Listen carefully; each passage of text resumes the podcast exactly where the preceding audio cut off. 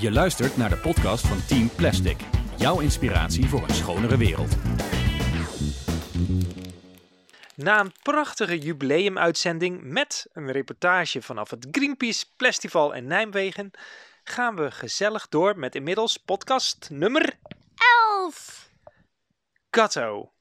Nou, jij bent er ook weer bij. Ja, natuurlijk. Waarom niet? Nou ja, in- inderdaad, hartstikke gezellig. Ik heb een vraagje. We krijgen namelijk hele leuke reacties dat mensen geïnspireerd raken en zelf actie gaan ondernemen om te gaan minderen met plastic. Echter, er zijn mensen die zeggen dat Team Plastic toch enkel bestaat uit de papa. En dat ik, Marnix, jou, Kato, er heel graag bij heb. Alleen maar omdat eh, ja, jij zo'n schattig meisje bent. Dus, Kato, wat kan je hierop zeggen? Vind je het wel leuk, podcast Team Plastic? Ik vind het heel leuk, alleen ik wil even zeggen, ik ben niet schattig. Mijn vader en ik zijn samen gestart. Niet dat mijn vader zegt van, doe jij mee? Maar het is gewoon altijd, zolang ik het nog leuk vind, doen we het nog. En als ik het niet meer leuk vind, dan stoppen we het toch? Ja, nou, dat zeg jij heel erg, eh, erg goed, klopt. Als jij het niks meer vindt, dan zoeken we naar een andere vorm om mensen te inspireren om minder plastic te gaan eh, gebruiken. Ehm dankjewel. De stand van zaken. Op dit moment is het plan met de escape room compleet herzien en aangescherpt. Omdat we meer impact eh, kunnen gaan maken, gaan we ons niet alleen richten op enkel de consument, maar we gaan ook de producent meenemen in dit verhaal. En specifiek de producent die meer plastic gaat produceren in plaats van minder plastic. Mijke Rijksen, campagneleider bij Greenpeace, die zei het al tijdens het festival. We kunnen ons simpelweg niet uit deze plastic crisis gaan recyclen.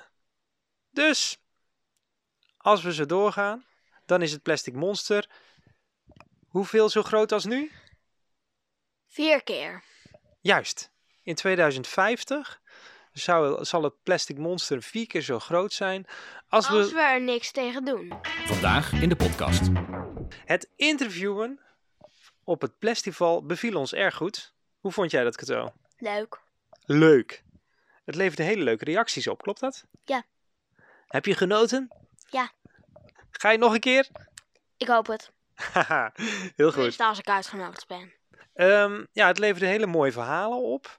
En eh, daarom willen we in deze podcast ruimte gaan inplannen eh, om mensen aan het woord te laten die het verschil maken in het terugdringen van plastic. Vandaag in de podcast een eerste interview met, Kato, vertel, hou ons niet langer in spanning. Elisa Pals van Zero Waste. Ja, Elisa Pals van Zero Waste Nederland. En zij, zij, zij houdt zich bezig met Zero Waste leven. Dus leven zonder Plastic. en zonder, ja, zonder plastic en nog groter zonder afval. Met Zero Waste Nederland helpt ze andere mensen om minder afval te produceren en dus ook minder. Plastic. Je hebt er vast al wel gehoord in podcast hashtag 5. In podcast 5 gingen we met eh, Elisa Pals eh, op pad door eh Dille en Camille in, in Breda. Heb je nog iets toe te lichten of gaan we gewoon beginnen? We gaan gewoon beginnen. Heb er zin in. Hoi, ik ben Kato van Team Plastic. Wie ben jij? Ik ben Elisa Pals en ik hou me bezig met eh, Zero Waste leven. Je hebt een stickeractie waardoor mensen weten dat ze in de winkel met een, een zelf meegebracht bakje kunnen winkelen. Hoe ben je op het idee gekomen? Oeh, ehm, nou, ik leef dus nu zelf al een hele tijd zonder afval. En heel vaak als ik in een winkel binnenkom en ik wil mijn eigen bakje gebruiken, dan moet ik eerst iets uitleggen waarom ik dat wil. Dat ik dus geen afval wil produceren. Ehm, sommige eh, winkeliers die staan daar heel positief tegenover. Die zeggen, oh, dat zouden meer mensen moeten doen. En anderen vinden dat niet zo fijn, omdat ze dat gedoe vinden bijvoorbeeld. Ehm, dus wat, wat ik eigenlijk, eh, waar ik eigenlijk behoefte aan had, is dat ik van de winkeliers wilde weten of ze positief er tegenover staan of niet. En als mij dat dan kan helpen, dan kan dat dus heel veel andere mensen ook helpen. Dus we zochten eigenlijk een, simpel, een simpele manier om dat te kunnen laten zien. En zo'n sticker is dus ja, eigenlijk waar we op uit zijn gekomen. Oké. Waar koop jij je boodschappen zonder plastic? Want wij kunnen dat nog niet zo goed vinden. Oké. Ehm, ik ga voor de meeste boodschappen, dus eigenlijk eh, eh, alle groenten, fruit, brood, dat soort dingen, eh, ga ik gewoon naar de markt. En daar kom ik met mijn eigen zakjes en bakjes, ga ik er al mijn, mijn boodschappen halen. En daar kan ik het meeste eigenlijk wel halen. Eh, ook kaas kan je op de markt kopen zonder verpakking, noten, olijven. Eigenlijk eh, bijna alles wat je nodig hebt. En voor specifieke dingen zou je dan ook nog naar een viswinkel kunnen gaan, of naar de slager, of naar de bonbonwinkel. Dus eigenlijk bijna alle winkels kan je wel met je eigen verpakkingen heen. Behalve de supermarkt, want daar is alles al verpakt. Bijna alles al verpakt. Ja. Waar haal je de muesli en krusli en de meel en zo vandaan? Dat soort dingen kan je, eh, ja, zeg maar, muesli maak ik zelf door zelf allerlei granen en noten en zaadjes zeg maar, bij elkaar te voegen. En die kan je bijna allemaal wel los kopen. eh, of in een papieren verpakking. Dus als je weet waar je een papieren verpakking, dus geen plastic zeg maar, kan, eh, kan halen, dan scheelt dat ook al heel veel. Bij de Lidl bijvoorbeeld is alle haver, zeg maar, om havermout te maken, is ook gewoon in papieren zakken te kopen. Ehm, en toevallig werk, en, eh, werk ik in Rotterdam en mijn vriend die woont in Rotterdam. En daar is een hele grote winkel waar je ook kan tappen. Dus dan kan je gewoon een eigen zakje onder zo'n bak houden. Dan kan je tappen en dan kan je er net zoveel in doen als je zelf wil. En dat kan je dus ook met je eigen verpakkingen doen. En zo zijn er wel wat winkels hier en daar, maar je moet ze inderdaad wel weten te vinden. En ik hoop dus dat wij dat makkelijker kunnen maken voor de mensen. Dat ze precies weten waar ze terecht kunnen. Welk advies kun je mensen geven die net zijn gestart met een plastic dieet? Ha, dat is best lastig. Want de eerste stapjes zijn wel de, ja, de lastigste, omdat je heel anders moet gaan denken. Maar het beste advies, het allermakkelijkste waar je mee kan starten, is: doe je grote boodschappen niet meer in de supermarkt, maar ga naar de markt of bijvoorbeeld naar de groenteboer. In heel veel winkelcentra is ook gewoon een groenteboer. Of ga naar de bakker. En probeer het zo direct mogelijk bij, eh, bij degene die het eh, aanbiedt, zeg maar, te kopen. Dus eh, of bijvoorbeeld een boerenwinkel of eh, de, kaasboer, zeg maar, gewoon letterlijk naar de boer toe, waar je bijna de koeien nog kan zien. in plaats van naar de supermarkt. Want in de supermarkt is eigenlijk alles al voorverpakt en kun je ook niet echt in gesprek gaan met degene die je tegenover je hebt. Want die is ook maar een verkoper, maar die weet verder niet waar het vandaan komt. Ja. Waar ben je het meeste trots op binnen jouw, jouw Zero Waste Nederland project? Oeh. Ehm, ik denk wel het, eh, sticker, eh, de stickercampagne die we nu doen. Daar had ik niet van verwacht dat het zo snel en zo groot zou, zou worden. Eh, ja, er zijn nu al duizenden winkels waar, eh, waar de sticker plakt. En er liggen nog heel veel aanvragen van mensen die hem willen hebben. Ook mensen uit het buitenland bijvoorbeeld. Dus daar ben ik wel heel trots op. Iets anders waar ik wel heel trots op ben is, we hebben een plastic attack gedaan. Eh, we hebben twee plastic attacks gedaan vorig jaar.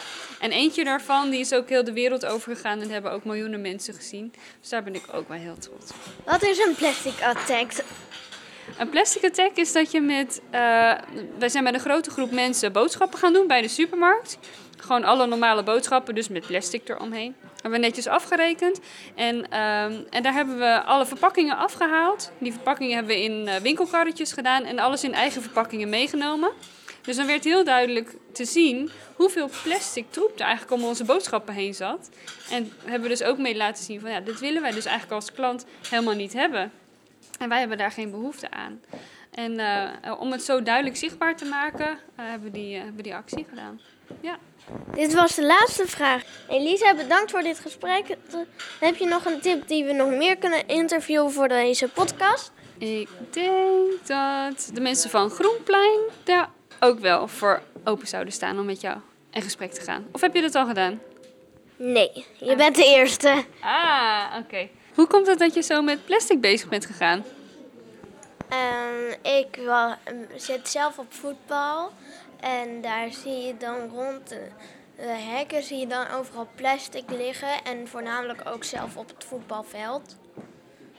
Zoals plastic bekertjes of plastic snoeppapiertjes of dat soort dingetjes. Mhm. En ja, je zag ook heel veel bij de fietsenstallingen liggen en dat vond ik gewoon niet fijn. Nee. nee. Nee. Maar dan, dan zou je ook kunnen zeggen eh, dat de mensen het beter moeten opruimen. Maar eigenlijk wil je nu dat mensen minder plastic gaan gebruiken überhaupt. Dat gaat dan wel een stukje verder. Ja, ik denk eerder terug. Dus nog verder terug, want als min- mensen. ehm, als je zorgt dat mensen het niet weggooien, dan is er nog steeds plastic en dan komt er uiteindelijk ook weer in de natuur terecht. Of het wordt verbrand of zo. Meestal wordt het niet gerecycled. Dus daarom moet je eigenlijk eerder zorgen dat mensen het niet kopen. Waardoor de winkeliers ook andere dingen moeten bedenken. zo- zodat, ze, zodat mensen het wel kunnen willen kopen. Ik ben echt zo blij met jou. je zegt het precies zoals ik het zelf zou willen zeggen. Ja, fantastisch. Dankjewel. Zo, dat was een eh, mooi compliment, Kato. Wil je dit interview met beeld terugkijken? Breng dan een bezoekje aan. www.purestories.nl slash stop met plastic. Kato, vertel eens. Elisa Pals gaf aan: hey, je kan een keer gaan praten met het Groenplein. Maar om eerlijk te zijn, denk ik dat ik kan raden wie er bij jou op nummer 1 staat om eens een keer een vraag te stellen over het plastic afvalprobleem. Mag ik raden of ga je het gewoon vertellen? André Kuipers. En vertel, waarom wil jij André Kuipers interviewen? Ik heb namelijk een vraag en die wil ik al heel lang aan hem stellen, alleen ik krijg er nooit de kans voor. Welke vragen wil je stellen? Nou, hoe ziet de plastic soep vanuit de ruimte eruit? We weten dat de plastic soep een hoopje plastic is, maar hoe? Hoe ziet het eruit? Alright, eh, we zijn. eh, alright, alright, alright, alright, alright. Oh boy, oh boy. Hey, ehm, dan staat, dan, dan rest ons nog, dan, re- dan rest ons nog één onderdeel van deze podcast. En dat is namelijk de, De Plastic Challenge. inderdaad, de Plastic Challenge. Ik zou zeggen, Kato, geef maar eens een, een lekkere zwiep aan dat rad. Nou, nou, daar loopt hij. En hij valt op. Neem je eigen tas mee naar de winkel. Nou, tot zover. Podcast hashtag 11. Nou, lieve luisteraars, dankjewel weer voor het luisteren. Tot de volgende keer. Tot de volgende keer. En de groeten. Doei doei! De groeten. En tot zover deze aflevering van Team Plastic. Heb je vragen of opmerkingen? Mail ons dan via stopmetplastic@purestories.nl. Meer informatie over onze podcast en andere afleveringen vind je terug op www.purestories.nl/slash stopmetplastic. Team Plastic is de podcast met inspiratie voor een schonere wereld.